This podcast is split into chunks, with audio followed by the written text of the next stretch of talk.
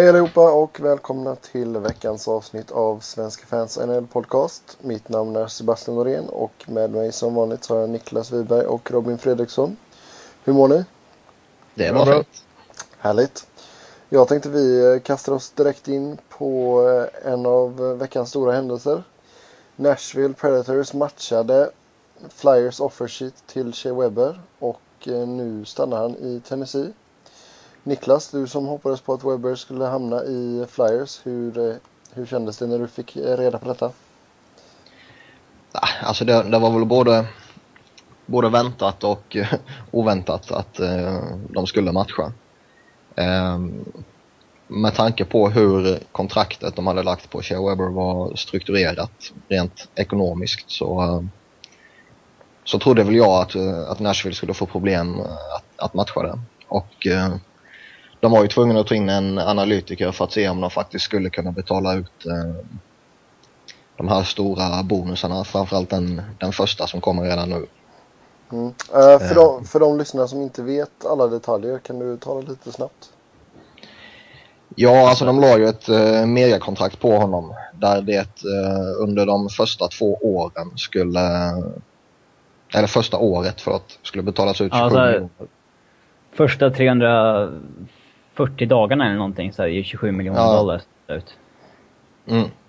Eh, 13 miljoner redan nu och sen 13 miljoner den första juli om ett år då. Och eh, sen hade han ju en lön på en miljon liksom så det, den, den lönen är överkomlig. Mm. Eh, men bonusarna det var ju det som skulle kunna ställa till problem för Nashville. Och eh, det var väl där frågan låg i om man skulle kunna ekonomiskt eh, matcha det och fortfarande kunna hålla laget eh, flytande och konkurrensmässigt. Ehm, det var också det som eh, Predators pratade om när de när de eh, liksom släppte nyheten att vi kommer matcha och då, då nämnde man ju om om det liksom var tre frågor som man behövde ha svar på för att, att matcha och det var ju så man Shea Weber som deras ledare både nu och i framtiden och över 14 år liksom. Mm. Och eh, var det det bästa både kortsiktigt och långsiktigt eh, för organisationen och laget att matcha. Och eh, om man matchade, eller om man inte matchade rättare sagt, hur skulle det påverka ja, organisationens anseende om man säger så, både i, i ligan och, och för fansen. Ja. Då ser man att det framförallt är det sista där, att om de inte skulle matchat, hur det skulle påverkat just anseendet och eh, framtiden så tror jag det skulle varit förödande för, för organisationen. Ja, det, det hade ju varit en skillnad om man haft en forwardsuppsättning att, att luta sig mot, men de har liksom byggt hela sitt lag kring eh, Buck, Sutter och Webber och sen haft ett extremt bra djup på forwardsidan liksom. Så att skulle de tappa Webber och Sutter så har de ju ja, typ den svagaste ja, utespelarbesättningen liksom i NHL helt plötsligt. En av de svagare. Mm. Och, nu har de ändå kvar Shea Webber på ett alltså, mycket rimligt cap hit kontrakt 7,8 det är liksom... Det är det han är värd. Och sen så har de ju Pekka in i mål att luta sig mot och...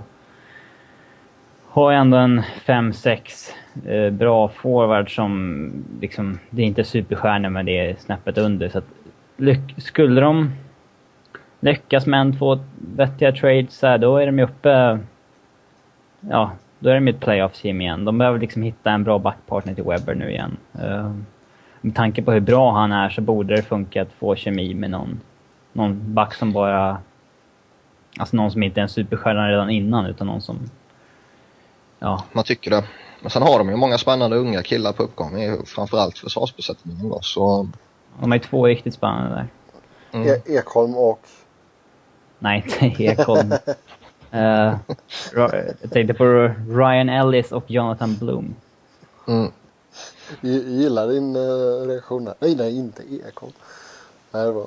Uh, ja, Nej men alltså det, det som, som Niklas sa där, alltså det, jag tror att hade Nashville tappat Webber, alltså visst man hade fått en drös med första, första rundsval av, av Flyers men eh, alltså jag tror Det hade varit sena första val. Det, det låter ju som Exakt. jättebra liksom men Flyers kommer det kommer ju vara val efter efter 20 nästan garanterat varje år. Ja.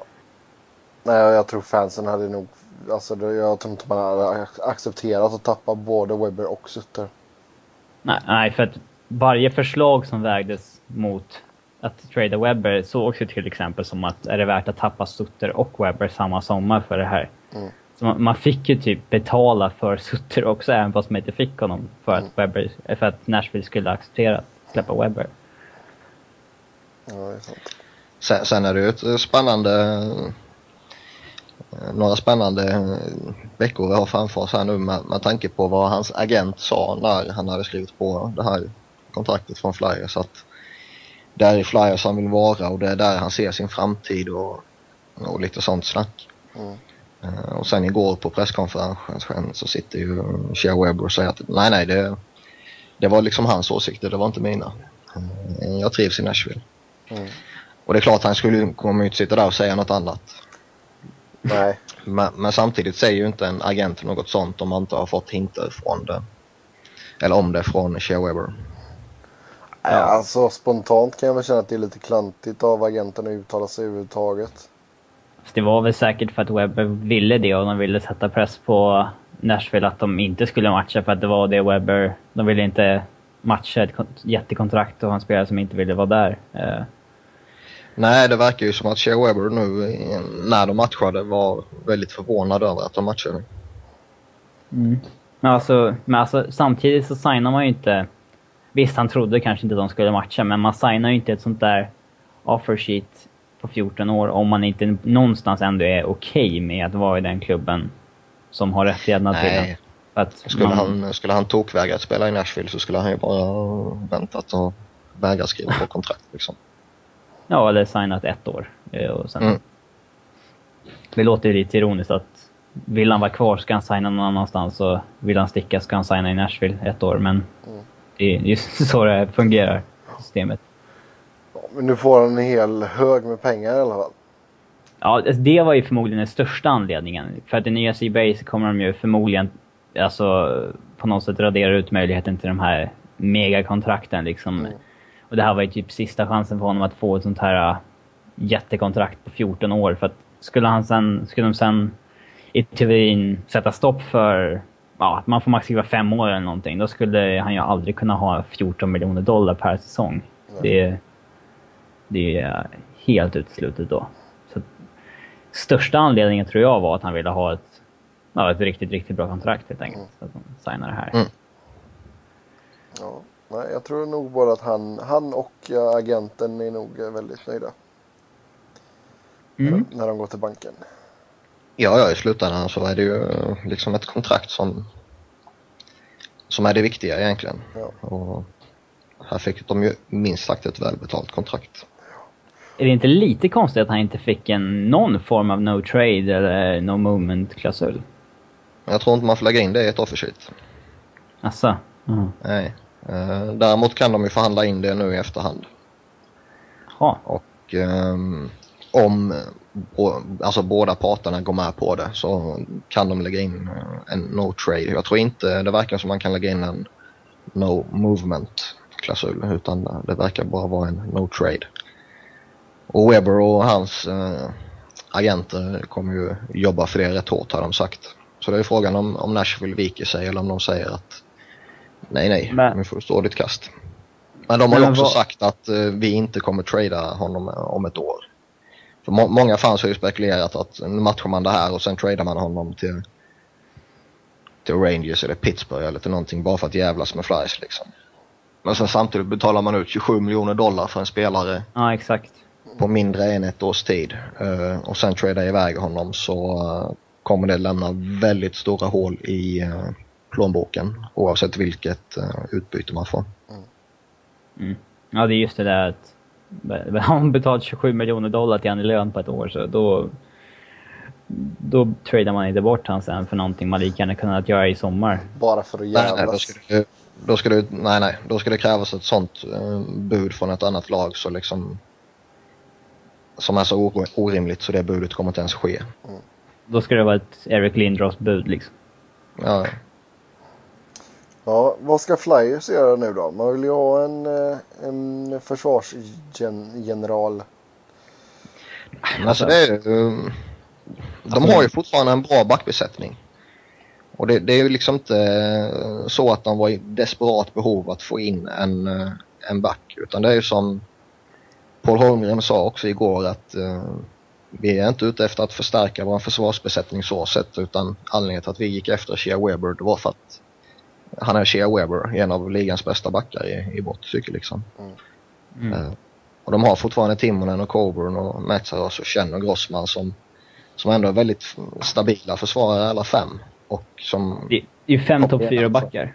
Ja, alltså det är en försvarsbesättning som utan tvekan är tillräckligt bra för att inleda säsongen med och, och hålla i princip hela säsongen. Sen kan man framåt trade deadline eh, mycket väl gå efter någon med utgående kontrakt kanske. Och om det visar sig att det inte eh, kanske skulle hålla för ett långt slutspelsrace. Jo, alltså jag säger inte att det inte är bra försvarare, men jag menar just den här alltså defensiva fixstjärnan tycker jag inte riktigt man har ändå. Nej, det är klart man saknar ju Chris Pronger något fruktansvärt. Mm det, kan, det är väl meningen att Luke Chen ska bli den. Alltså, på sikt förmodligen. Mm. Uh, men uh, det, jag, det är som sagt, backbesättningen är ju redan bra i Flyers. Det var ju bara att de, det fanns en chans att få in Shea Weber och han är världens bästa back och den får man inte missa liksom. Eh, men snarare är väl forwardsuppsättningen nu när man ska ersätta James Van Riemsdyk och Jaromir Jagr.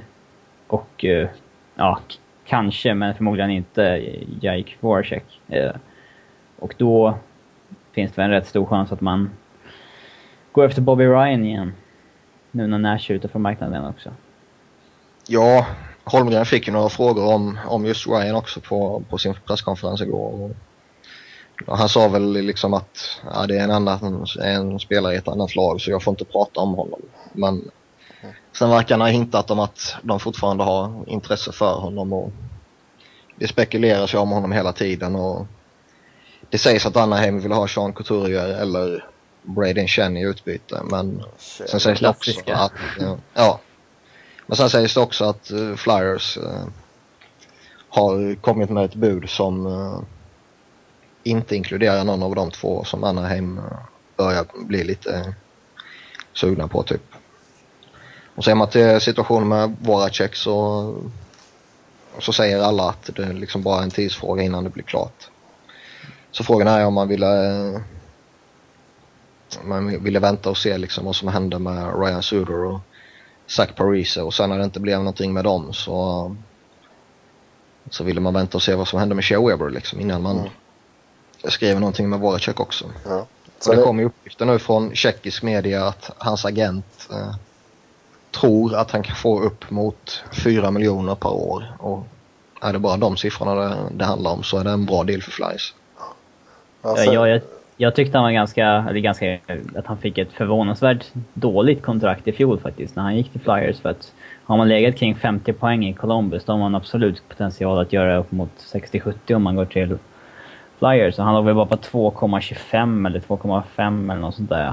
Ehm, så att eh, det är väl absolut helt okej okay om han ligger strax under 4, för det är en spelare som dels har en jättestor offensiv potential. Han är bara 22 år, men det känns som han varit med mm. i hur länge som helst.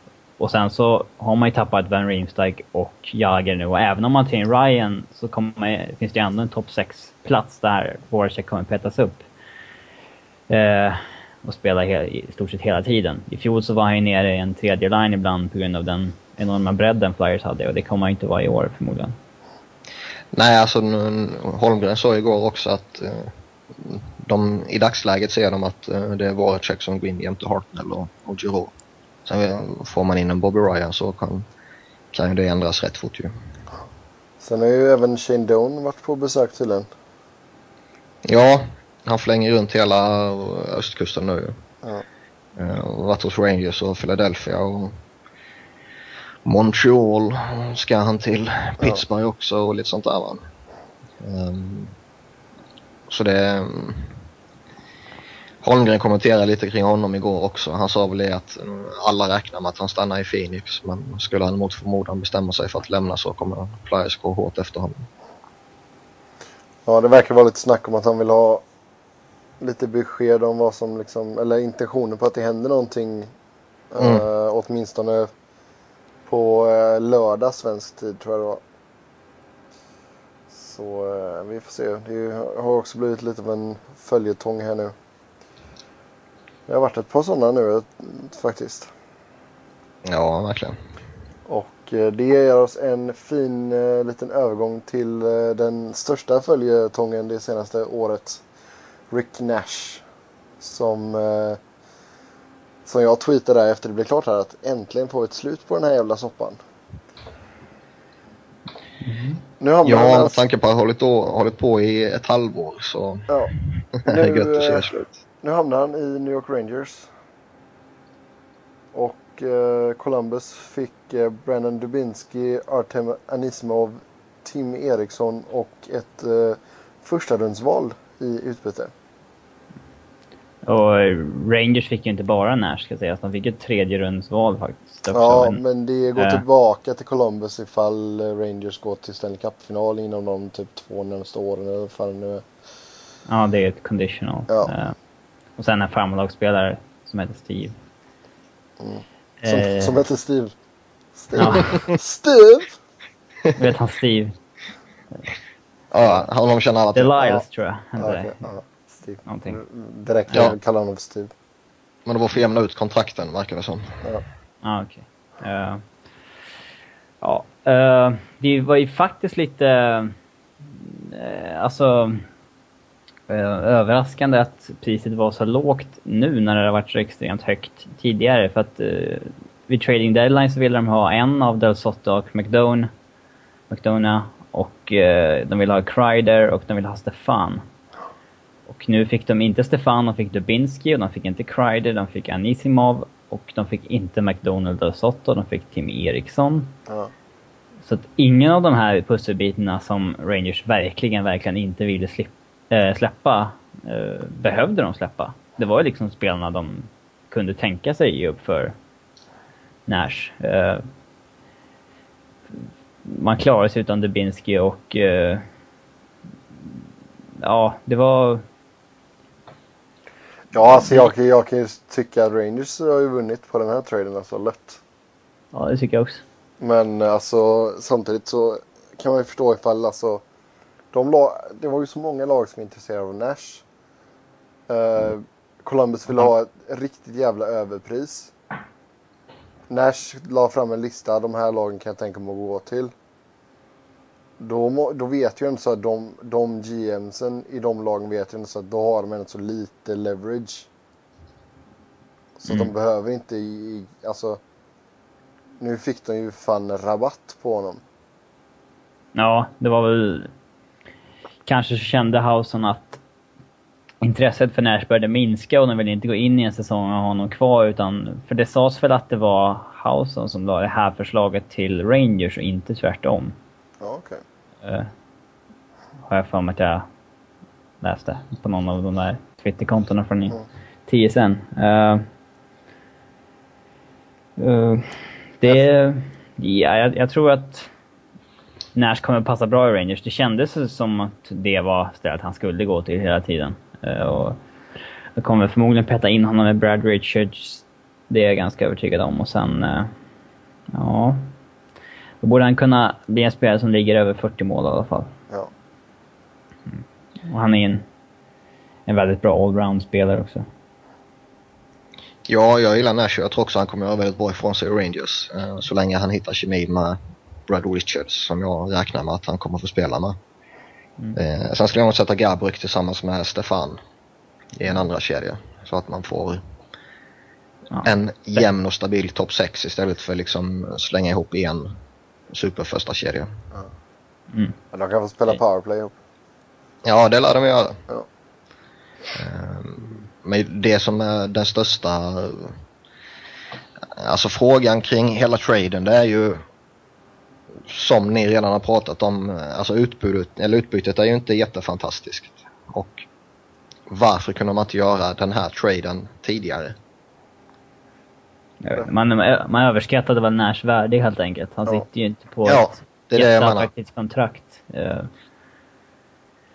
Uh, nej, nej, precis det är det jag menar. Han har uh, sex år kvar med en capita på 7,8 miljoner. Det är nog ingen tvekan som helst om att han kommer leva upp till de här pengarna de första tre, fyra åren av kontraktet. Men sen mot slutet har det alltid funnits frågetecken kring honom. Mm. Mm. Ja, det är en spelare som lever på sin fysik liksom och det kommer man inte ja, kunna göra i hur länge som helst. Nej, hon är 28 bast nu så man vet aldrig vad som händer om fyra, fem år heller. Liksom. Mm. Och jag har alltid gillat honom och han är ju en spelare som verkligen delar upp hela hockeyvärlden i två olika läger. Antingen gillar man honom och, och tror att han kommer göra riktigt bra ifrån sig så fort han kommer till ett bra lag eller så tycker man bara han är skit liksom. Mm. Jag gillar honom och eh, med tanke på vad han trots allt har gjort i Columbus där han legat över 30 mål och, och till och med varit uppe över 40 vid två tillfällen så, mm. så tror jag att med en riktig center och ett riktigt lag och med ett riktigt powerplay så tror jag han kommer göra riktigt bra ifrån sig. Man har, alltså, jag, jag tycker också att Nash har varit extremt bra och att han är en riktigt, riktigt, riktigt bra spelare och sådär. Men liksom, han har bara varit över 70 poäng en gång. Liksom. Men då har han ändå spelat i Columbus. Men liksom, jämför man när Kovac var i Atlanta så var han uppe och nosade på 100 poäng ett par gånger. Och, liksom, det, finns en, det, det finns vissa... Han vet olika spelartyper. Eh, Kowalczyk kan på egen hand göra betydligt mycket mer än vad Nash kan. Mm. Mm. Nash är väl, som jag ser det, ett större behov av duktiga lagkamrater runt omkring sig. Medan Kowalczyk eh, egentligen kan producera även om man har skräp jämte sig. Mm. Ja, nej, det blir, sen det kommer bli jävligt intressant också att se alltså, hur han klarar av eh, publiken också tycker jag faktiskt.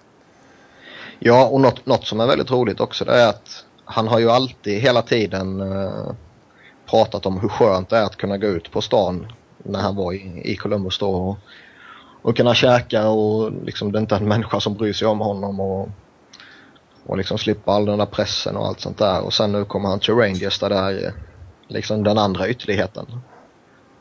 Ehm, sen just då han tacklar det som, och som du sa, publiken ska bli... För publiken i Madison Square Garden kan ju vara totalt dumma i huvudet ju.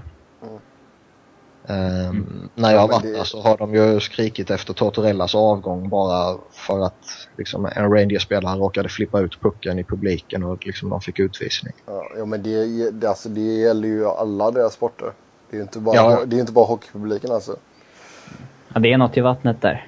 Ja, det, ja. det, de är inte... Hudson River är farlig. Ja, det, det, fast det blir jävligt bra bagels på, på det vattnet. Så. Ja, det är något speciellt. Blir man gapig också när man äter dem? Ja, det blir man. Lätt. Jag, jag och Petter började bara skrika mitt på, mitt ja. på uh, Sixth Avenue. Där bara, Nej då. Ja, men, uh, ja, exakt. Nej då, men vad fan. Det, det ska som sagt bli sjukt intressant att se hur det, hur det går för Nash i, uh, i Rangers. Om vi pratar lite Columbus då. Vad, vad kan Dubinski, Anisimov och Eriksson uträtta?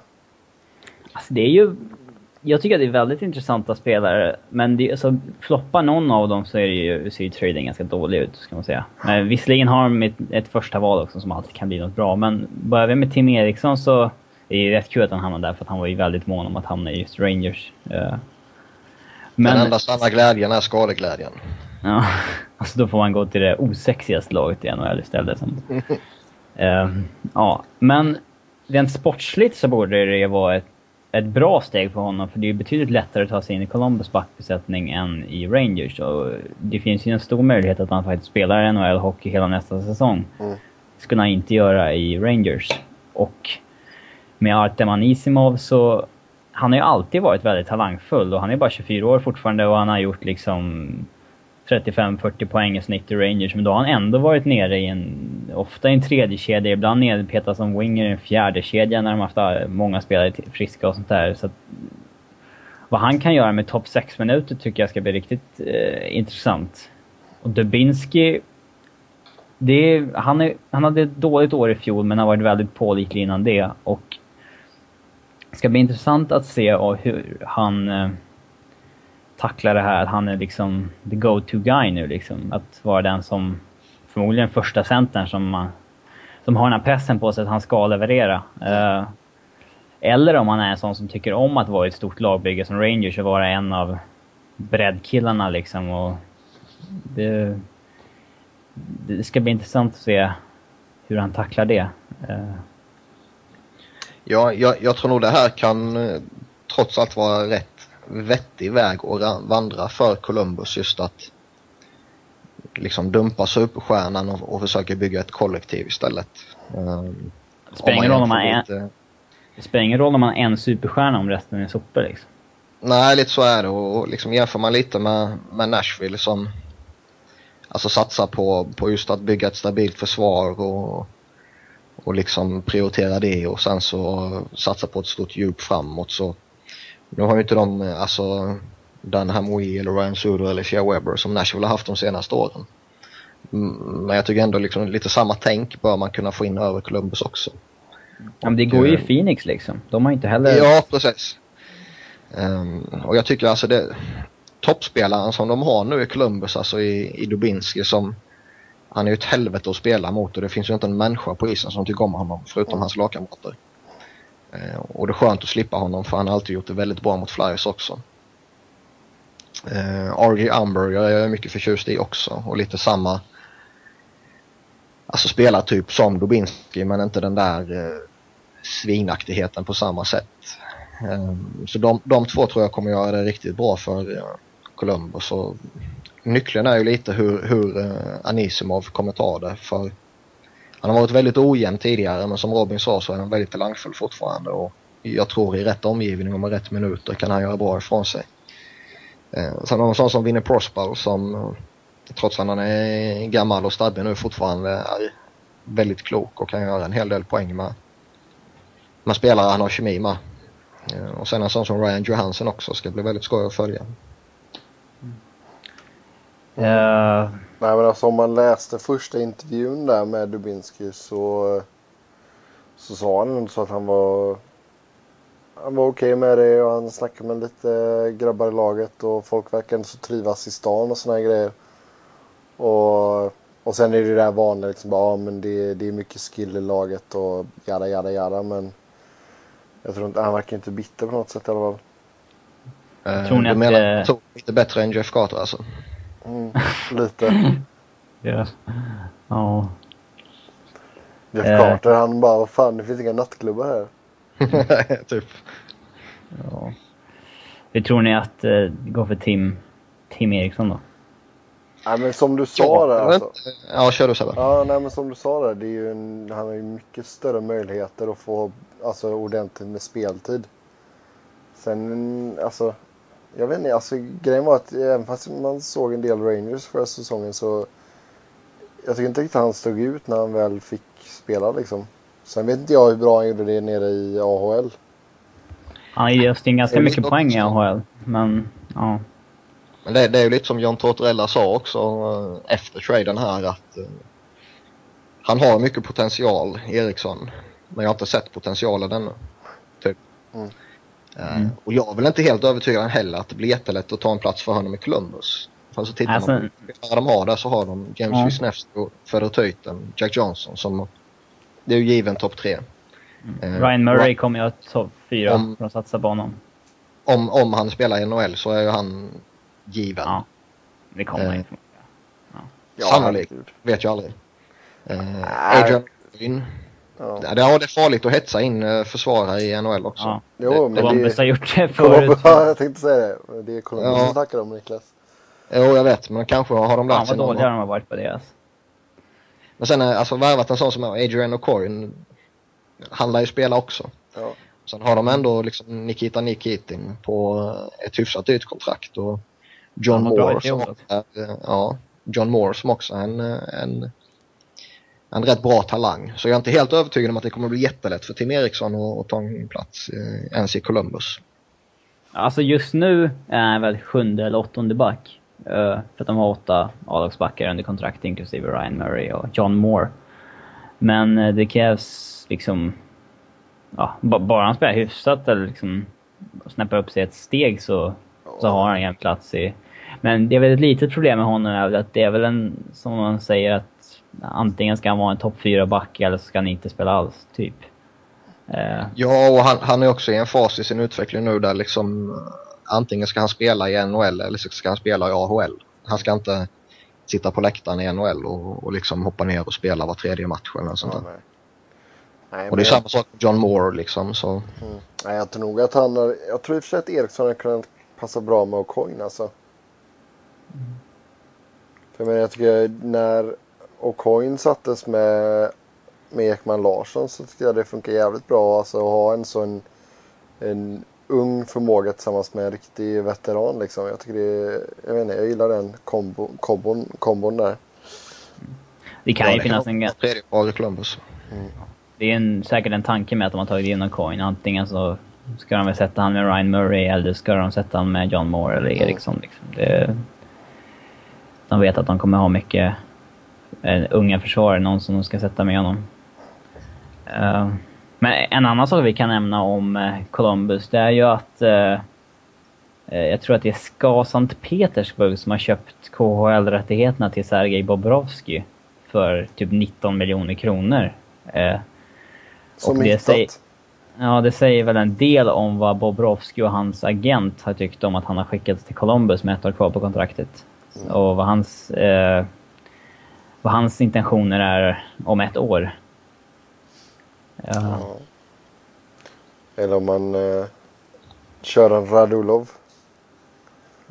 Nej, det tror jag inte. Nej, jag, jag, jag tror inte han sticker nu för eh, han har pratat rätt mycket ändå att uh, liksom eh, äntligen får jag chansen att, att kunna spela väldigt mycket och så som Steve Mason har sett ut på den senaste tiden så tror jag utan tvekan att Bobrovski kan få vakta målet i majoriteten av matcherna. Ja, herregud. Ehm, och det är också en förutsättning för att han ska vara duktig om man går på de här två säsongerna i, i Flyers som han gjorde. Som, liksom det, det är det enda vi kan gå för det är ingen som har sett honom uppe i Sibirien.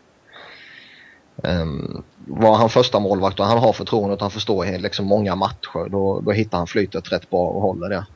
Däremot när han var bakom Bryskalov nu och fick hoppa in lite här och där och, och stå i enstaka matcher och sen vila en längre tid och sådär då hade han jätteproblem. Mm. Ja, Ja. men det... Jag ska väl gissa att han spelar i KHL om ett år, annars så köper man inte rättigheterna för honom sådär mycket om man inte får en klar hint om det. Nej, lite så känns det. Ja, ska vi eh, lämna Nash-traden där då? Eller vill vi säga någonting annat? Nej. Nej. Nej, mer än att vi kan konstatera att eh, Columbus eh, rimligtvis borde kunna ha fått ett bättre erbjudande vid trading deadline. Absolut. Mm. Yes, då kliver vi på lite kontrakt här då. Vi kan ju börja med eh, TJ Oshie i St. Louis. Fem år. Ja, drygt 4,2 miljoner. Ja, det var ett väntat kontrakt. Tycker jag. Det är en, eh, alltså en, det är en bra NHL-spelare som kan bara spela både vinge och eh, center och han gjorde 54 poäng i fjol. Eh, 25 år gammal.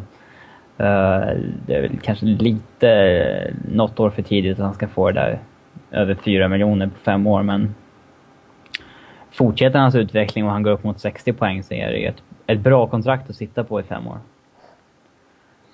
Ja, det är, en bra spelare. Han är lite ojämn fortfarande och han har väl inte riktigt tagit det där sista klivet eh, i sin utveckling för han har ju ända sedan han slog igenom för, eh, ja vad blir det, fyra, fem år sedan eller någonting, haft en riktig potential i, i liksom allt han har gjort på isen egentligen.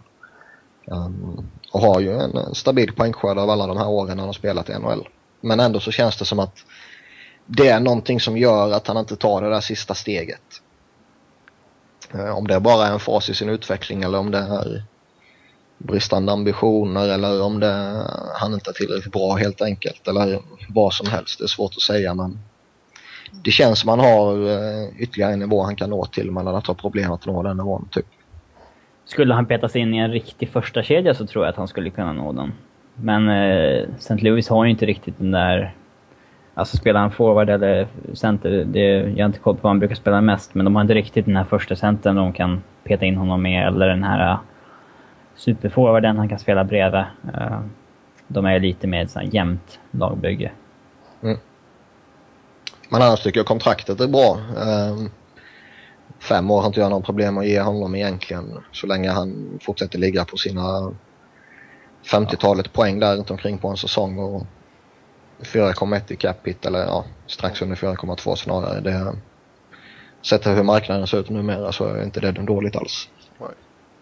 Yes, sedan så Nikolaj Kolemin, Toronto, två år, 2,8 mille. Mm. Han hade ju en riktig jävla skitsäsong i fjol. Uh, för att uttrycka det milt. Han gick från att göra 30 mål och 27 assist uh, säsongen 10-11 till att göra 7 mål och 21 assist. Halverade sin poängskörd och gjorde inte ens en tredjedel så mycket mål. Uh, så att han kunde ju inte direkt förvänta sig något, något fetare kontrakt direkt. Uh, uh, så det är väl lite förvånande kanske att han fick två år, men ja. 2,8 det känns väl som att man har råd att chansa, fortsätta chansa med Kulemin.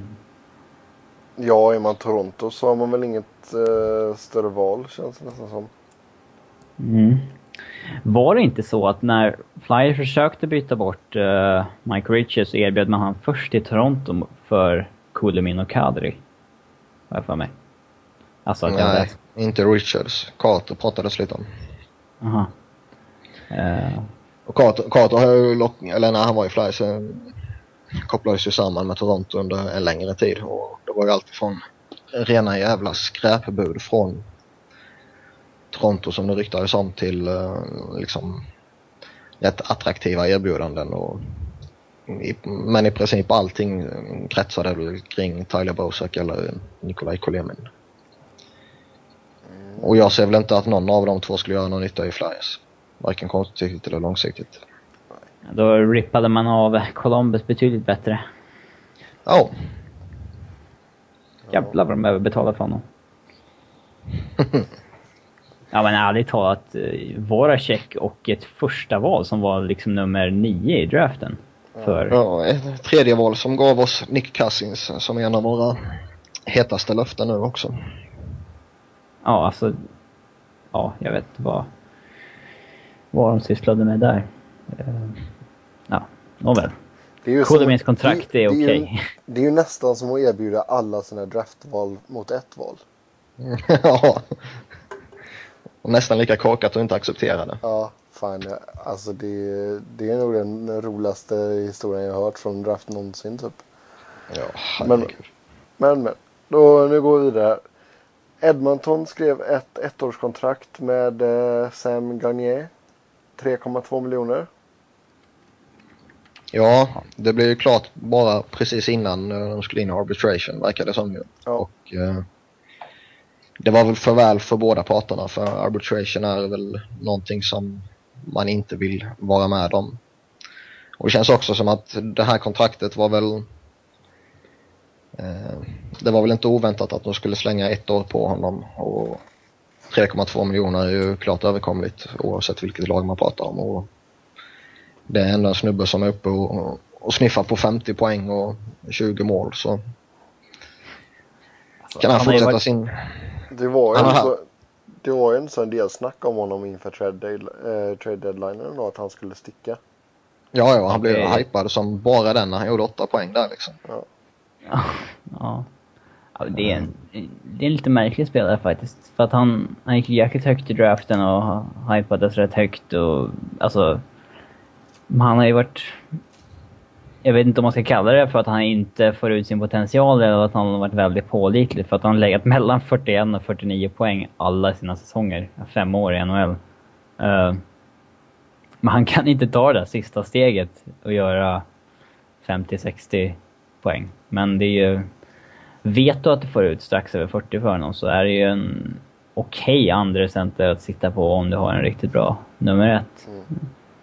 Ja, alltså vad Edmonton gör nu. Man bara går och väntar på att de här eh, unga superstjärnorna ska liksom vara redo att bära laget i Nugent Hopkins och nya Jakobov och Taylor Hall och Eberle och, och, allt vad man nu har liksom.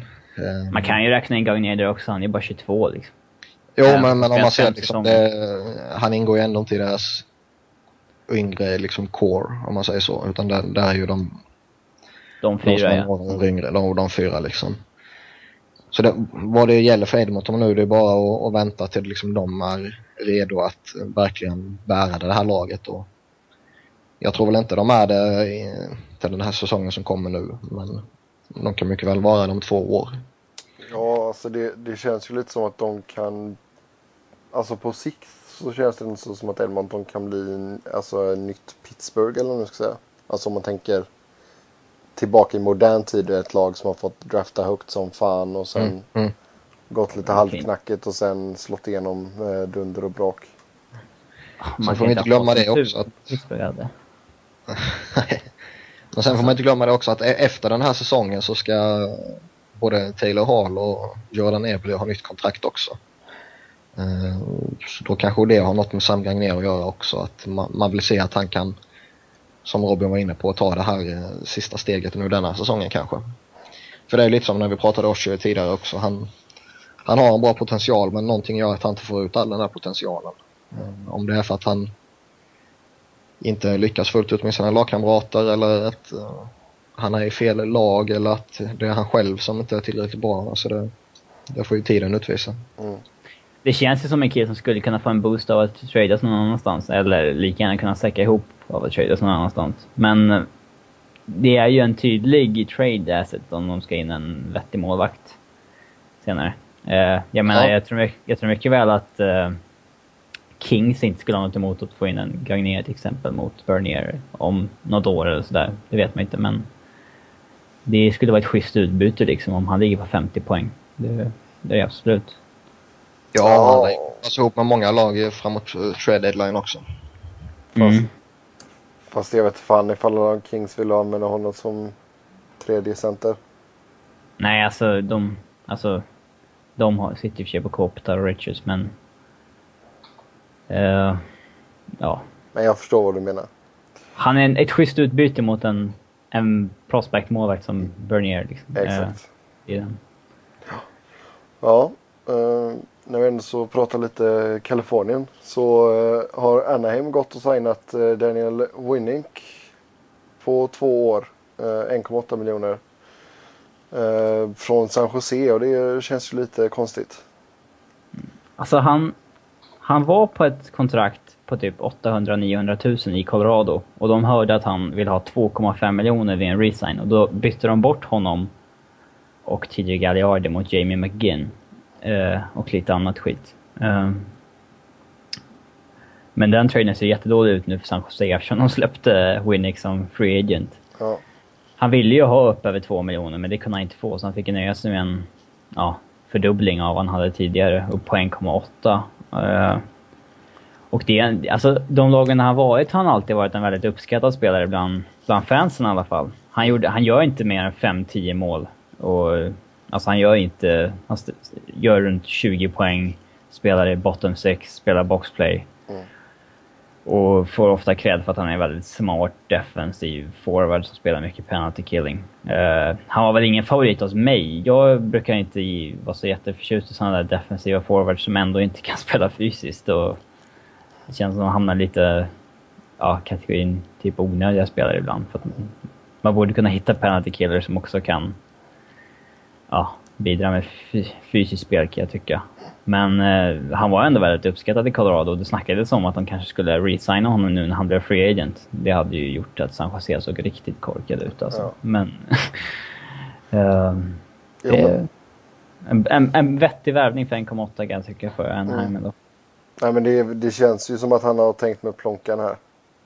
Ja, han satt bara och väntade på bästa bud. Ja, och sen har han ju lite flyt att han får komma till södra Kalifornien där, där det är lite bättre väder också. Ja, så han kanske är en sån kille, alltså... För San, alltså San Jose, nu bor jag 20 minuter från San Jose. Det är fan ingen vacker stad alltså. ja. ja. Han har varit i Phoenix och Colorado innan så han har varit på en del bra ställen. Ja. Yes. Um, om vi går vidare då så såg vi att New Jersey skrev ett tvåårskontrakt med Mark Fane på 1,3 miljoner dollar. Mm, det är ett bra kontrakt tycker jag. Mm.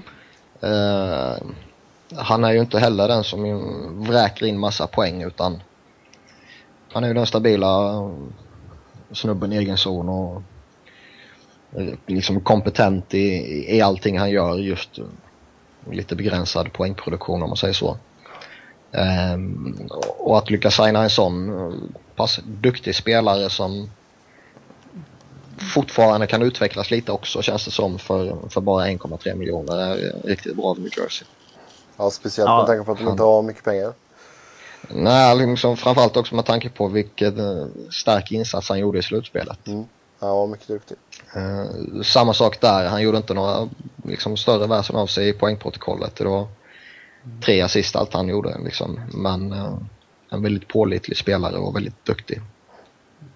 Ja, nu för tiden brukar ju själva prislappen på, alltså okej, okay, backar ligga på två miljoner nu när lönetaket har ökat som, som fan. Och sen en, en riktigt bra back tre miljoner. Typ som Grossman-nivå, typ så.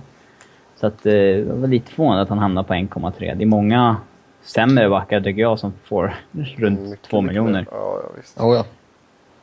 Yes. En annan Mark är ju Mark Fistrich. Eller Fistrick. Beroende på vad han har för ursprung. Men i alla fall, ett år med Dallas, 1,5 lite drygt. Mm. Det är också rätt eh, billigt. Men det är en spelare som inte gör en enda poäng. Han gjorde två assist i fjol. Det var ett. Men det är väl en, en bra spelare att ha kvar till under 1,5 också. Eh, en okej okay defensiv back. De får väl hoppas att han kan få, få in lite fler assist än två i alla fall. Ja, jag brukar alltid bli förvånad över spelare som gör sådär få assist. Det brukar, måste ju ändå ske ibland att man får en andra assist ja, där och där. Om man tycker det är bara att flippa ut pucken i mittzon och någon snappar upp den och åker iväg liksom. Ja. ja, det... man tycker att, ja, även fast man inte spelar powerplay så liksom, man borde kunna komma upp i 10 när man spelar över 60 matcher. Ja, men det är ju som, det är ju som Douglas Murray, han gör ju fan inga poäng heller. Ja, men han gör väl betydligt med två. Alltså, han gör väl... Uh, jag vet inte, du, du, får, du får kolla upp hans stats medan vi snackar om... Ah, Okej, okay. I, I, år gjorde han riktigt... Han gjorde för sig dubbelt så mycket som Fistrix, han gjorde fyra. Ja, okej. Okay. Ja. Du ser. dubbelt så bra offensivt som Fistrix kan vi label him som. Ja, men det är bra. Då, då är nog Doggen nöjd där alltså. Mm. Om vi går till Sergej Kostitsin då, en av Kostitsin-bröderna. Två nya år i Nashville, tre miljoner. Ett rätt Ja, han... Ja, jag tycker det är ett bra kontrakt för, för alla parter. Kostitsin får väl ett kontrakt som han bör vara nöjd med och jag tycker Nashville får uh, också få ett kontrakt som de bör vara, vara nöjda med. Och han har varit väldigt lyckosam i, i Nashville. Um, när han var i Montreal så var det ju liksom precis som några tidigare spelare vi har pratat om. Precis här att väldigt svårt mellan AHL liksom. Uh, ja, kunde inte åstadkomma några större siffror och fick väl i och för sig inte heller det där superförtroendet hela tiden. Uh, man har väl hamnat i, i Nashville inför säsongen 10-11 så har det verkligen gått väldigt bra för honom.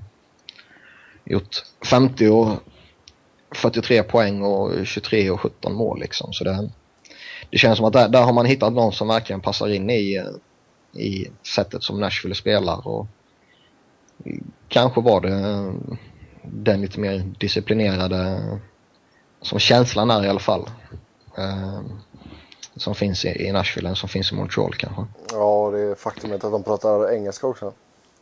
Ja, liksom just all eh, press runt omkring. Eh, alltså det var som när vi pratade lite med Nash eh, tidigare att eh, på samma sätt som man kan gå ut på stan i Columbus och, och käka så kan man på ett samma eller liknande sätt gå ut i Nashville och, och ta det lugnt medan är du i Montreal så vet varenda människa vem du är och vad du gör och hur du gör det liksom. Mm. Det förväntas ju också i Montreal, typ som att du ska ta till det där med franska och det. Och ja. ja. Det, jag tycker nästan att det är ganska, alltså det är snäppet, alltså man brukar kunna få ut mer betalt om man har gjort 50 och 43 poäng in, som offensiv spelare. Liksom det, det finns en del som har mer än så. Ja. ja. Sen har han ju i och med hans efternamn så, så har han ju ett rykte kring sig. Ja. Och det, det är ryktet... med brorsan. ja. Nej men alltså det, det känns väl som att det, det ryktet fortfarande, trots att han har gjort två starka säsonger här nu, fortfarande hänger lite över honom. Um, men jag tror nog att uh, de ska se till att hålla Andrei Kostitsin borta från honom. Mm, alltså ja, skulle jag välja en av Kostitsin-bröderna så är det helt klart Sergej jag skulle ta. Mm. Yes. Chris Versteeg fick ett fyraårskontrakt av Florida. 4,4 miljoner. Viktigt för Florida. Ja, det är en duktig spelare. Um, tyvärr så är han alldeles, alldeles för liten för att kunna bli en eh, riktig stjärna i NHL tror jag. Um, vilket är väldigt tråkigt för han är så oerhört duktig på i princip allting. Men uh, den bristande fysiken gör att uh, ja, han inte kommer klara att hävda sig fullt ut. Utan jag, jag, tror han kommer ligga på, som han gjort de senaste åren här, strax över 20 mål och runt uh, 50 poäng. Och det är ju inte alls dåligt på något sätt. Um, men som sagt, skulle, han varit lite större, lite längre, lite tyngre så då tror jag det skulle kunna bli en ruggigt bra hockeyspelare. Det finns eh, små killar som har hävdat sig ganska bra ändå. Ja, det, jag menar inte på något sätt att han är dålig. Uh, alltså jag menar går man in och gör 23 mål och 31 poäng uh, för 54, eller 31 assist för 54 poäng i, i Florida så då är det ju inte dåligt liksom. Han var ju en väldigt stor anledning till att de gick så bra den här säsongen. Mm. Um, väldigt duktig i liksom spelets alla aspekter, både offensivt och defensivt, kan spela i alla former och etc. etc. Men uh, han är fruktansvärt liten och um, han är inte så duktig som typ Martin St. Louis i Tampa Bay som, som kan ligga, uh, eller som låg kring 100 poäng liksom. Ja, nej, nej. Sen, sen Louis åker ju bara mellan benen på backarna. Mm. Han är så liten. Uh, ja, Jay Harrison i Carolina fick ett treårskontrakt. Uh, 1,5 miljoner har han in per säsong. Mm. Mm. Jag tycker också det är uh, en rätt underskattad spelare. Uh, och uh, alltså det, det, känns väl lite som att han får också lite betalt för uh, vad som komma skall, känns det som. Även om han gjorde en väldigt bra säsong uh, som var här där han smällde in nio mål till exempel så, så känns det fortfarande som att innan denna säsongen har han inte visat jättemycket. Ja, det var i fjol han blev ordinarie NHL liksom, så han 28 år. Ja, han har gått uh, lite upp och ner där och sådär men trots att han är rätt gammal så känns det ändå som att han, han kan ta ett steg till. Och, och vi ska inte glömma det att han har ju ett nuvarande kontrakt som sträcker sig över säsongen som kommer här. Så han har han skrev ju ett nytt kontrakt ett år i förväg om man säger så. Mm. Men eh, det känns som att Carolina betalar honom lite mer för vad som komma skall. Och eh, han är väl oerhört nöjd med att ha fått ett treårskontrakt ett år innan hans nuvarande kontrakt gick ut. Med tanke på att han egentligen bara har gjort en riktigt bra säsong. Fast eh, Carolina tänkte väl att gör en, en liknande säsong igen så är han ju värd alltså betydligt mer än 1,5. Då får de väl upp en Ja, då kan det stiga. Så att eh, gör en liknande säsong nu så har ju Carolina gjort en, en, mycket, en bättre deal liksom. Ja då. Yes. Och eh, sist men inte minst för det är väl Verstig. Eh, så har vi eh, Colin Wilson som eh, skrev på för tre nya år i Nashville för två miljoner.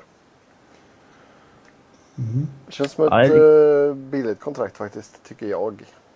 Ja, det var jäkligt billigt. Uh, jag gjorde 35 poäng på 68 matcher i fjol och det är ju väldigt bra. Och, uh, han var väl en av de som blev petade sen när det blev slutspel för att har väldigt väldigt bredd i laget. Mm. Men eh, två miljoner för en, en fortsatt satsning på Colin Wilson är inte fel. Eh, Nej, vad är han? 22 bast eller någonting va? Ja, han borde få ha en breakthrough-säsong nästa år i alla fall. Han drar upp över 50 poäng kan jag tycka. Eh, att, eh, det, det, är en, en stor talang liksom. Det är klart att de skulle satsa vidare på honom. Det är inget snack. Ja, han gick väl... Ja, gick han sju, sexa, sjua någonting va? Sjua gick han. Ja. Precis efter Nikita Filatov. Se det ja. Se det ja. Se det ja. Bra gjort Columbus. Ja, Ja. mycket bra.